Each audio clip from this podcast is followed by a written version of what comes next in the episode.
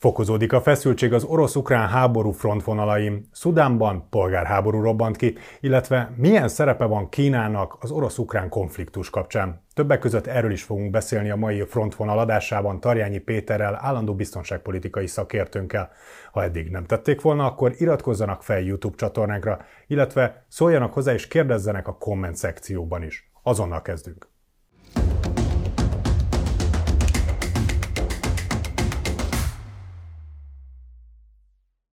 Üdvözöllek Péter itt a műsorban. Ugye múlt héten beszéltünk arról, hogy megkezdődhet a tavaszi hadjárat, és Ukrajna megkezdheti a, a viszontválaszt és a, a hadjáratot, hogy visszanyerje a területeit. Ez akkor még nem kezdődött el, és most is egymásnak ellentmondó információk látnak azért elég erősen napvilágot. Légy szíves erről mondd el, hogy mik a legaktuálisabb és legfrissebb információk, mik történnek most éppen a frontvonalon. Én is üdvözlök mindenkit, és tényleg nagyon érdekes volt az elmúlt hét, és nagyon izgalmas időszak elé nézünk, én azt hiszem. Azt kell megértenünk, hogy miközben például a hét elejének egyik fontos híre volt, hogy az Ukrán Nemzetbiztonsági Tanács az utolsó egyeztetésre megy éjszaka Zelenszky elnökhöz, egyszerűen azért, mert hogy az ukrán rendszer úgy néz ki, tehát a védelmi rendszer, hogy a, az ukrán elnök adja ki az utasítást, mint a hadsereg főparancsnoka mondjuk egy támadás elkezdésére, és hogy tulajdonképpen e, az ukrán szárazföldi légi és tengeri haderő elkészítette azokat a terveket, amit e, végre kell hajtaniuk, és jóváhagyásra az elnök elé terjesztik. Ez azért egy szép mese, mert egyébként nem így néz ki a háború, tehát hogy ezt ne, és ez tényleg, hogy a, az olvasók, nézők értsék, nem úgy történik, hogy hogy egy éjszaka dönt az elnök arról, hogy most támadás, és egyébként ezt másnap végre hajtják úgy, hogy akkor kezdik ezeket a tevékenységeket. Hosszú-hosszú hónapok óta már készült tervekkel, utánpótlási szempontból, kiképzési tervekkel és konkrét támadási tervekkel Ukrajna, hogy hol hajtsa végre ezt a támadást. Igazán, mint ahogy egyébként az Indexen írtátok is, három-négy irányt lehetett látni, végig gondolni, ahol ilyen támadásokat végre lehet hajtani. Egyrészt ugye Donetsk, Luhansk térségében, és ezen belül Bakmut térségében, Zaporizhie és Herson térségében, tehát ez a déli rész, illetve a Gyeper környéke, Gyeper deltája. És az elmúlt hetekben, másfél hónapban nagyon ügyesen egyébként az ukrán haderő játszott azzal, hogy hol itt, hol ott kezdett támadásokat, tényleg elbizonytalanítási szempontból vezette úgymond az ukrán vezérkar gondolatait ez a tevékenység, azért, hogy az oroszok ne érezzék, ne tudják meghatározni azt precízen, hogy hol lesz a döntőcsapás. De ezt higgye el mindenki nekem, hogy azok a haditechnikai eszközök, amiről mi is beszéltünk múlt héten, mindenhova megérkeztek már, és nem valahol a hátországban több száz kilométerre helyezkednek el, ez alól nyilván a rakétatüzérség kivétel, az, ami a harchoz szükséges... Zelenszky egyébként a tankokat említette, mint hogyha azokra várnának még. De hadd mondjak erre egy nagyon érdekes példát. Pont a héten egyébként a kollégáiddal is foglalkoztunk ezzel, mert megkerestek. Döbbenetes fotók láttak napvilágot, hogy miközben a mai napig papíron Ukrajna nem kapott meg bizonyos fegyverrendszereket, előkerültek olyan fotók, ami tavaly szeptemberben, tehát az akkori nyári, koraőszi offenzívában készültek, és ezek a fegyverrendszerek ott voltak, sőt használta is őket Ukrajna. Tehát ezért mondom azt, hogy a biztonságpolitika egyik alapvetése, hogy senkinek nem hiszünk el semmit.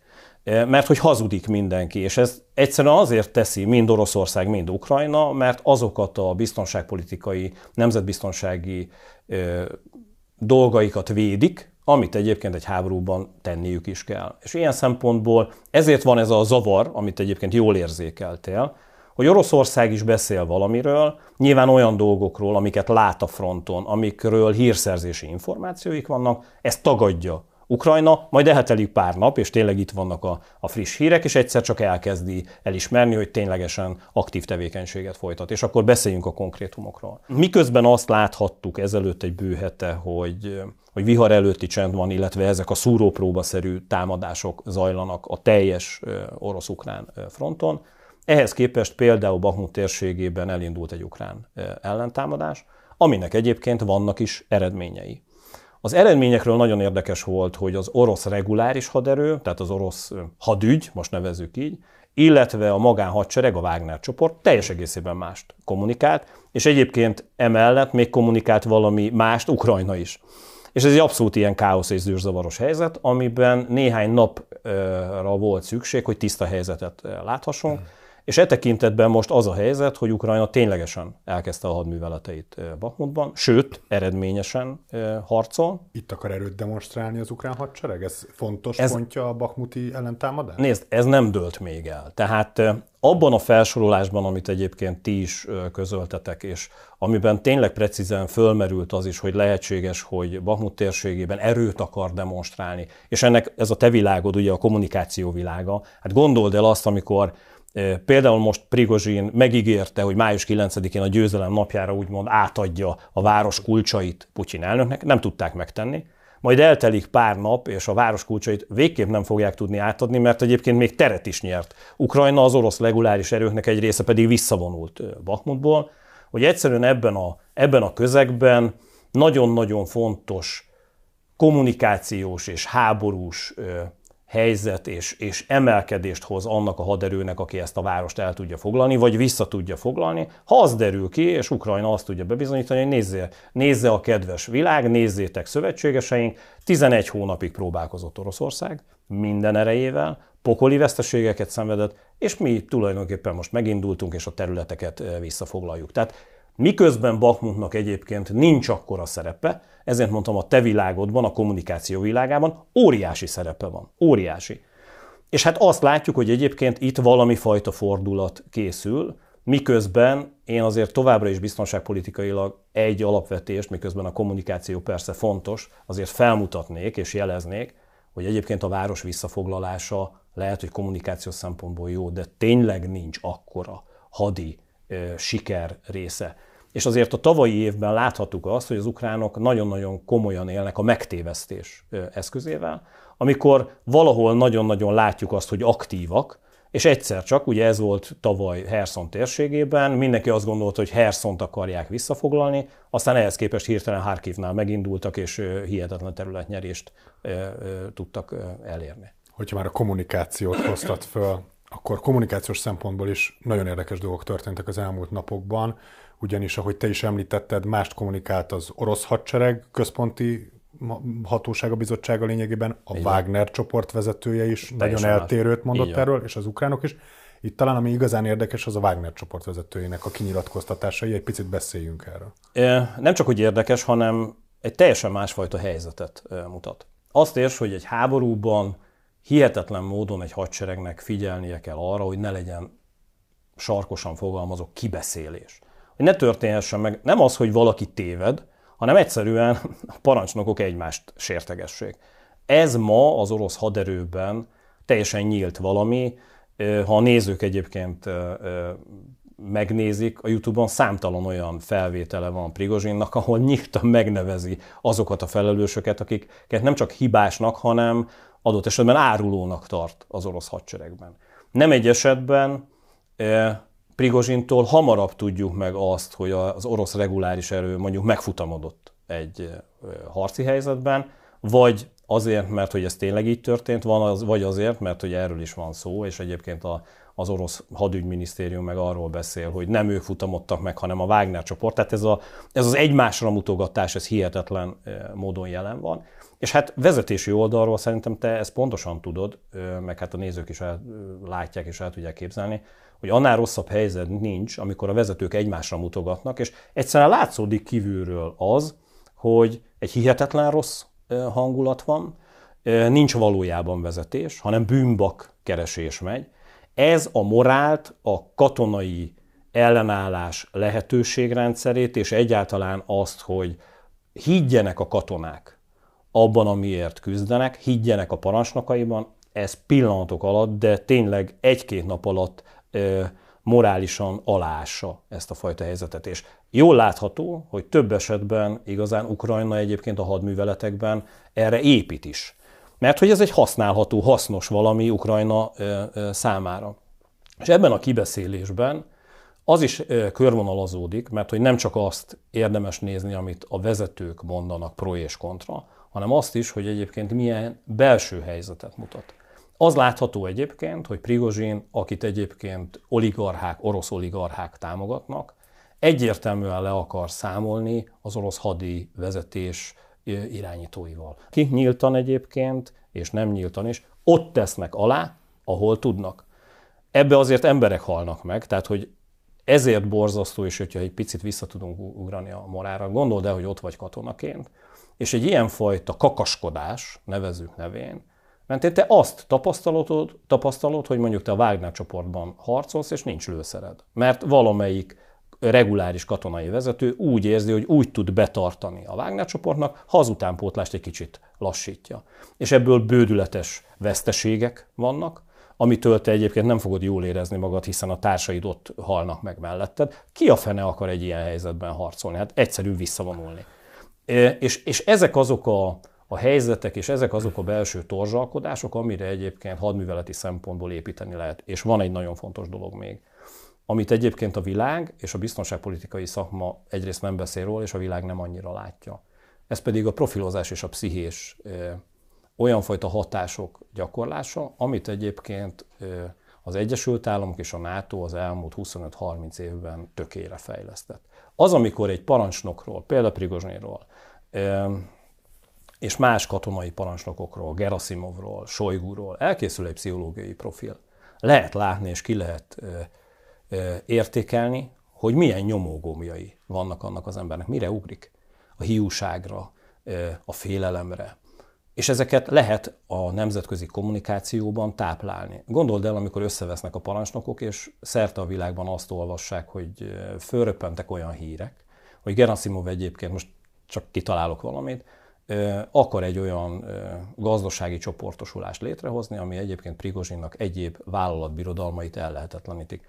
Ezt egy idő után Prigozsin hidd el nekem, hogy el fogja hinni. Tehát, hogy még inkább lehet ezeket az árkokat mélyíteni. Igen, de a történések kapcsán mindenképpen adja magát a kérdés, hogy a Putyin és a Putyinféle vezetés meddig tűri a, ezt az nem túl támogató kommunikációt, amit folytat a Wagner csoportvezetője.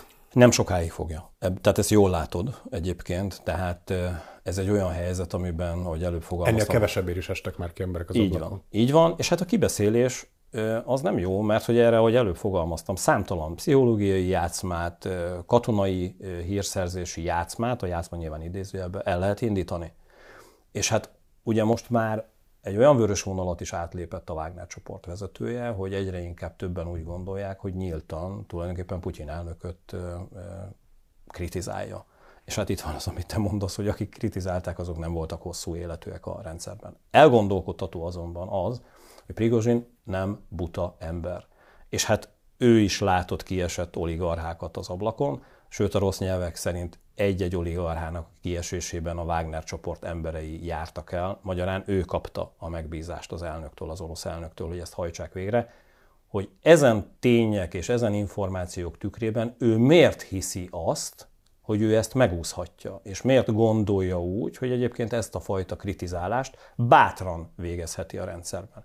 Ez egy óriási hírszerzési kérdés egyébként Ukrajna oldalán és a nyugati hírszerző szolgálatok oldalán, mert van egy olyan rész, és arra világít rá, hogy a belső, tehát az, oligarchák, az orosz oligarchák belső rendszerében valamit nem látunk. Ott, valami, valami erjedés van, valami miatt Prigozsin úgy érzi, hogy ő ezt megteheti, és nem tudjuk, hogy miért eh, gondolja ezt így. Visszatérve egy picit a háború technikai oldalaira, ugye a britek bejelentették, hogy újabb rakétarendszerekkel támogatják Ukrajnát abban, hogy folytassa az offenzívát. Ezekről kiderült az, hogy mikor érkezhetnek meg, illetve ezek az eddigieknél nagyobb hatótávolságú rakétákról van ugye szó, hogy ezeknek a tekintetében ö, mekkora előrelépést tud ez jelenteni a frontvonalakon az ukrán fél részére? Nézd, hát ugye Nagy-Britannia számtalan esetben, és hogy előbb is beszéltünk, bátrabban léphet meg olyat, amit egyébként az Egyesült Államok úgy tehet, mintha nem tudna semmiről. De ezt tényleg fogadják el az olvasók, nézők tőlem, hogy elképzelhetetlen, hogy a szövetségesi rendszerben egy ilyenfajta korszerű támadó technológiát úgy adjon át egy, egy NATO ország, hogy erről egyébként a vezető ország az Egyesült Államok ne tudna. és ezzel kapcsolatban ne lenne valamilyen fajta vélemény. Ezt higgye el mindenki nekem, hogyha az Egyesült Államok azt mondja valamiről a NATO belül, hogy nem, azt nem fogják végrehajtani a NATO országok. Vagy ha próbálkoznak is, ez alól mondjuk ugye Törökország egy kicsit kivétel, de ott is láthatjuk például, hogy amikor Törökország úgy döntött, hogy orosz légvédelmi rendszereket vesz, abban a pillanatban az orosz, lég, vagy bocsánat, a török légierő a legkorszerűbb F-35-ös vadászrepülőgép programból úgy esett ki az Egyesült Államokban, mint a SIC. Tehát az első megállapítás ezzel kapcsolatban, hogy Nagy-Britannia nyilván engedéllyel teszi ezt. Azért teszi engedéllyel, mert nyíltan ezt az Egyesült Államok nem teheti meg, de az ukránoknak szükségük van ilyen fegyverrendszerre, tehát valahogyan a látszatot fönn kell tartani. Erre Oroszország nem tud olyan lépéseket tenni, de az Egyesült Államok tehet mindenről, mert hogy az Egyesült Államok egyszerűen azt mondja, hogy hát széteszi a karját, és hát ő nem is, nem is ért semmit. Viszont a fegyverrendszer tényleg szükséges, amit te jól látsz olyan szempontból, hogy vannak válasz lépései Oroszországnak. Tényleg olyan, most egy kicsit furcsa lesz a példám, amit mondok, mint a vírus írás és a vírus írtás. Tehát, hogy mind a két fél a háborúban, Oroszország is és Ukrajna is, fejleszt valamit, azt a másik megpróbálja utolérni, megelőzni valamivel, kivédeni, és ez a fajta ö, helyzet, ez folyamatosan a háborúban jelen van. És bizony, ö, azok a korszerű HIMARS rendszerek, amelyekhez bizonyos lőszertípusokat egyébként megkapott Ukrajna, és amin keresztül azért a 70-80 kilométeres távolság áthidalódott. Ami azért fontos, mert ugye erről beszélgettünk, hogy ilyen 20-40 kilométer az orosz tüzérség hatóereje, ezt azért lehetne növelni.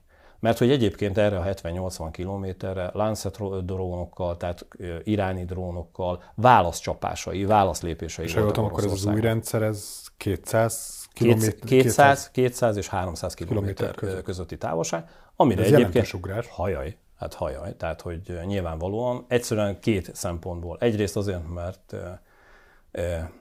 a rakéta és csöves, csöves tüzérsége nehezen tudja elérni Oroszország oldaláról az ukrán tüzérséget közvetlen a frontvonalról. Nyilván rakéta technológiával lehet, de abban a pillanatban, hogyha te hátrébb vonsz egy tüzérségi eszközt, sokkal több időd van arra, ahogy repül az ellenfélnek a tüzérségi csapása a levegőben, reagálni.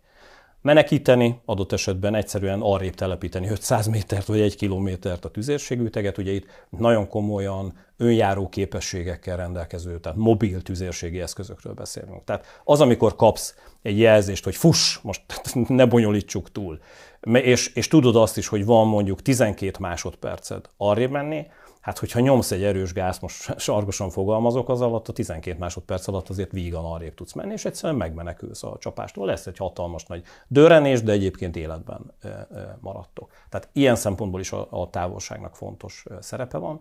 És hát van még egy fontos szerep, hogy sokkal-sokkal rejtettebben tudja ezeket az eszközöket nagy mélységben, két-háromszáz kilométeres távolságból működtetni Ukrajna.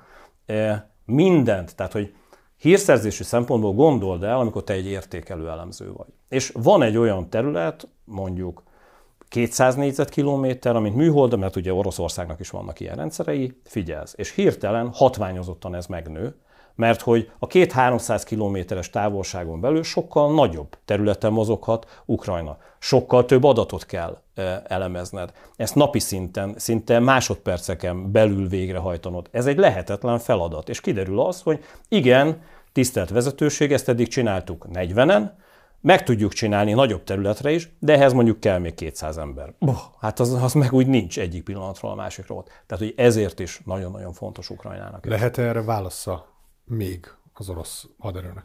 Vannak válaszai, elsősorban ugye a drón technológia felé lépett. Ebben nagyon érdekes az, hogy, hogy Irán mennyire Oroszország mellett döntött, hogy, hogy támogatja ilyenfajta rendszerekkel.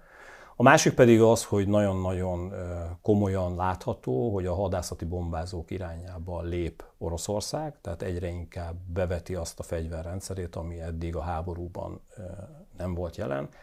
Ez egyszerűen azért fontos, mert hogy ezekről a fegyver, ezekről a repülőgépekről, ezekről a fegyverrendszerekről eddig Ukrajna nagyon-nagyon sok tapasztalatot úgy nem tudott szerezni, hogy a korszerű robotrepülőgépes technológiája Oroszországnak ezekről a repülőgépekről indítva mennyire hatékonyak vagy nem. És ez egyre többször jelenik meg, egyfajta meglepetés egyébként Ukrajnának.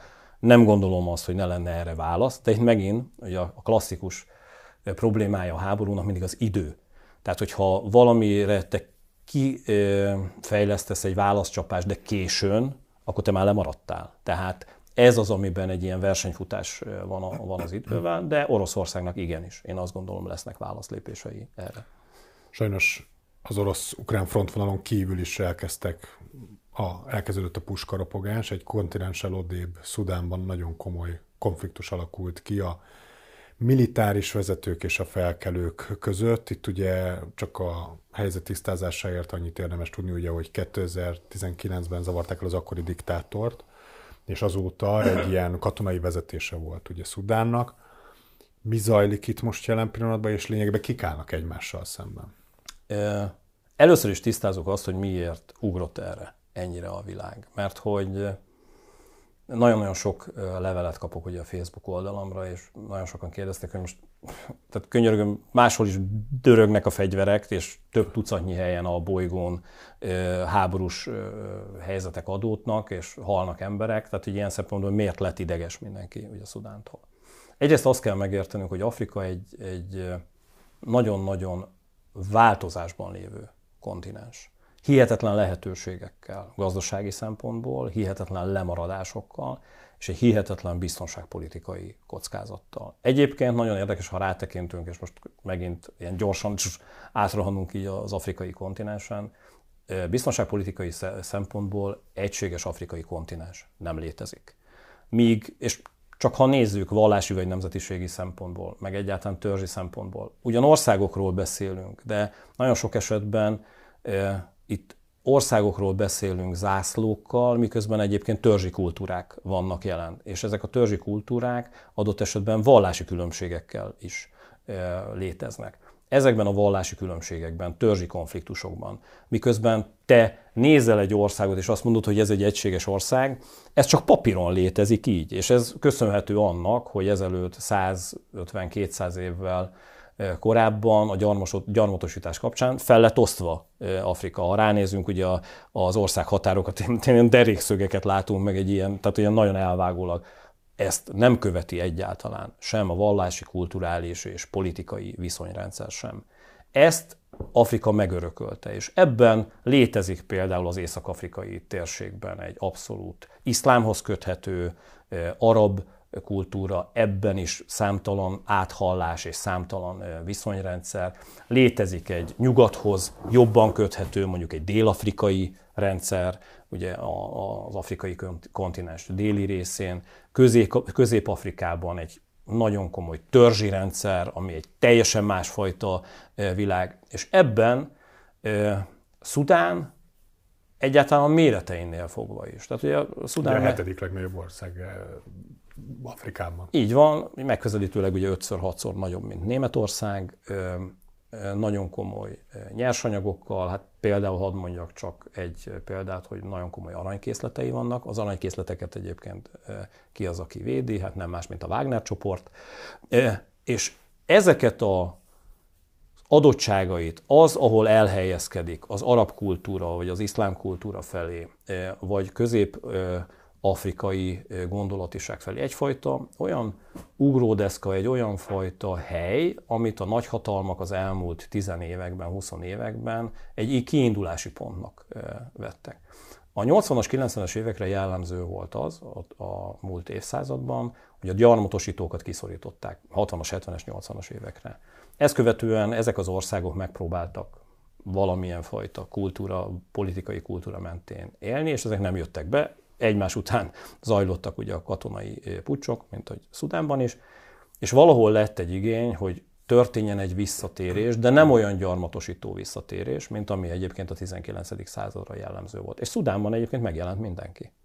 Megjelent Oroszország, megjelent Kína, megjelent az Európai Unió, az Egyesült Államok a természeti kincsek miatt, a klímaváltozás miatt nagyon fontos ugye migráció szempontjából, hogy ott azért ellenőrzés alatt lehessen tartani, az észak-afrikai térségben ne jussanak úgy el emberek. Ebbe belekavart 2011-től kezdődően az alaptavasz, ami ugye átsöpörte és megdöntötte például Líbiában Kadhafi uralmát, és ezekben a térségekben ez a fajta mozgás, amiben elképzelhetetlen Európa számára, de egy-két hónap alatt milliók dönthetnek úgy, hogy elindulnak valahova. Mint ahogy egyébként láthattuk Szudán kapcsán is a 2000-es évek elején, amikor egy népírtásba torkoló arab, illetve ugye az arab lakosság, illetve a, a helyi lakosságnak egy konfliktusa, amiben azt láttuk, hogy tíz nap alatt másfél millió, két millió ember elindult a, a világban. Tehát érzi Európa, különösen a migrációhoz kapcsolatban Európa, de egyébként a világ összes nagyhatalma, hogy ezekre a térségekre valahogyan hatni kéne. Ezt egyébként a helyi hadurak is érzik. És ebben van üzlet, van leszámolás, van minden, ami egyébként ilyenfajta helyzeteket áthat, és ezt látjuk Szudánban, hogy, hogy elmondtad, 2019-ben az előző vezetést elzavarták, és itt egy olyan helyzet teremtődött, amiben egy nevezük reguláris katonai erő és egy népi milícia közösen összefogva tudta előzni az előző vezetést. De hát csak egy maradhat, mint ahogy a Hegylakó című filmben megtapasztalhattuk. Ez a két erő egyszerűen el akarta dönteni az elmúlt években, hogy ki az, aki valójában Szudánt vezetheti. Ennek volt egy csendesebb része, nem azt mondom, hogy békés, csendesebb része, és volt most ezelőtt megközelítőleg két hete, három hete egy olyan változás, amiben egyszerűen azt mondta mindkét erő, hogy itt az idő, és leszámolnak egymással. És a népi milícia oldalán az iszlámnak például egy szélsőséges irányzata jelent meg, ami egyértelműen a nyugati kultúránkra, az ott dolgozó nyugati tisztviselőkre, mérnökökre, orvosokra veszélyt jelentett, ami pillanatok alatt hozott egy olyan helyzetet, amiben tízezreket kellett menekíteni, európaiakat, illetve, tehát nyugatiakat, bocsánat, a tengeren túliakat és európaiakat a térségből.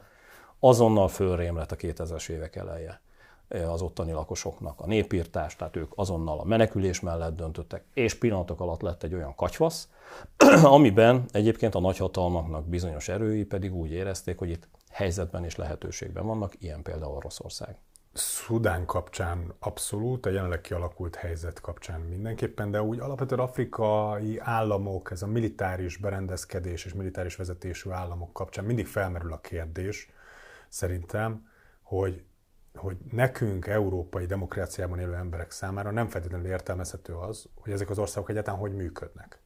Hogy tartják fönt a közellátást, a közszolgáltatásokat, a kórházakat, a vízműveket, az áramellátást, tehát hogyan tud működni az ország úgy, hogy igazából nincs is egyértelmű vezetője, kiszedi be az adókat, és hát még jó néhány ilyen kérdésem felmerülne ezzel kapcsolatban. Az a fajta nyugati társadalmi berendezkedés, ami a te fejedben, vagy az én fejemben, vagy a nézők fejében van, ez nem létezik. Tehát nem véletlenül fogalmaztam úgy, hogy az afrikai kontinens hasonló bizonyos szempontból közel-kelet néhány országához, hogy itt törzsek léteznek zászlókkal. Tehát ezek az országok.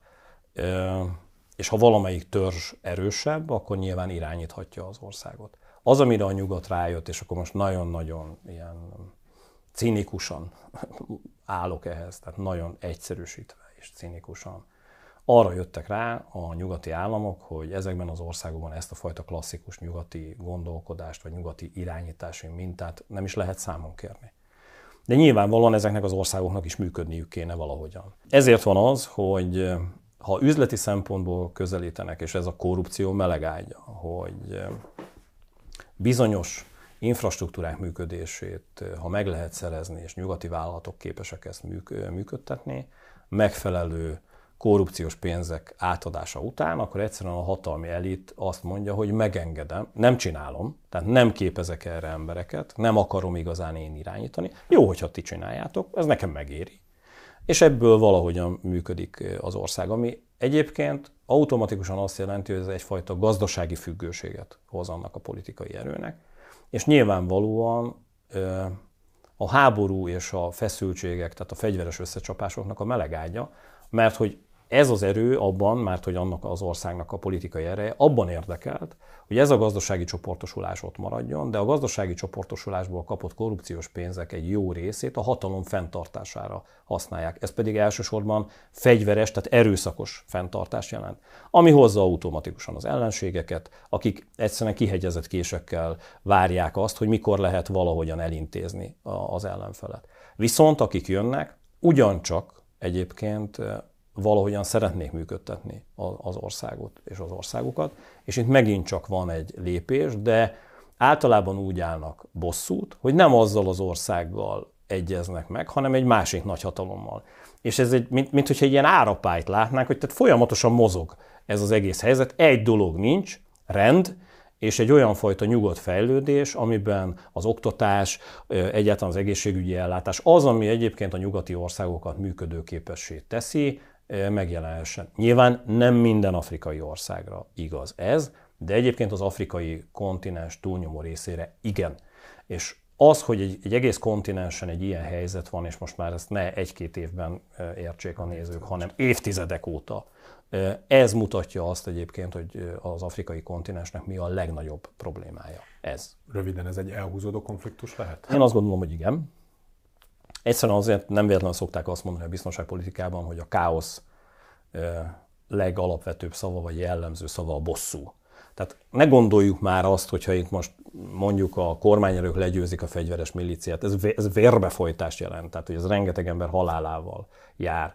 Hogy ez lehet, hogy ha, ha pusztító módon csinálják, akkor hoz nekik 10 évet, 15 évet. Ha nem, ha el tudnak menekülni az ellenfeleik, akkor abszolút egy elhúzódó polgárháborúról beszélünk, és akkor ez évekig így zajlik. Ami egyébként akadályozza azt, hogy a tőke beáramoljon abba az országba, fejlesztések induljanak, tehát hogy, hogy egyre inkább romlik minden. Valahol az érződik, ha egy mondatba kéne összefoglalnom, hogy Afrika arra nem tudott az elmúlt 50-60 évben választ adni, hogy a megszerzett szabadságukkal hogyan éljenek.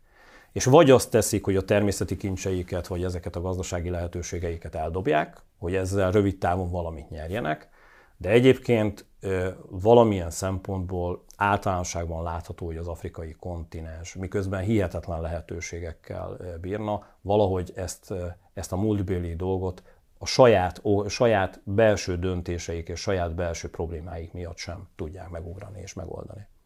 Péter, köszönöm a beszélgetést. Kína szerepére már nem jutott időnk, de mivel ez egy elévülhetetlen Persze. téma, ezért azt gondolom, hogy erre később bőven vissza fogunk tudni térni, mert viszont nagyon-nagyon fontos a háború megértése szempontjából is egy esetleges későbbi konfliktus kapcsán. Önöknek pedig köszönjük a megtisztelő figyelmet, hogyha eddig nem tették volna, akkor iratkozzanak fel a YouTube csatornánkra és kövessék tartalmainkat. Hogyha kérdéseket szeretnének feltenni az elhangzottakkal kapcsolatban Tarjányi Péter számára, akkor azt a komment szekcióban megtehetik, és igyekszünk ezekre az adás témái között, vagy valamilyen formában válaszolni önöknek. Hamarosan friss adással jelentkezünk, akkor is tartsanak velünk. Addig is, viszontlátásra!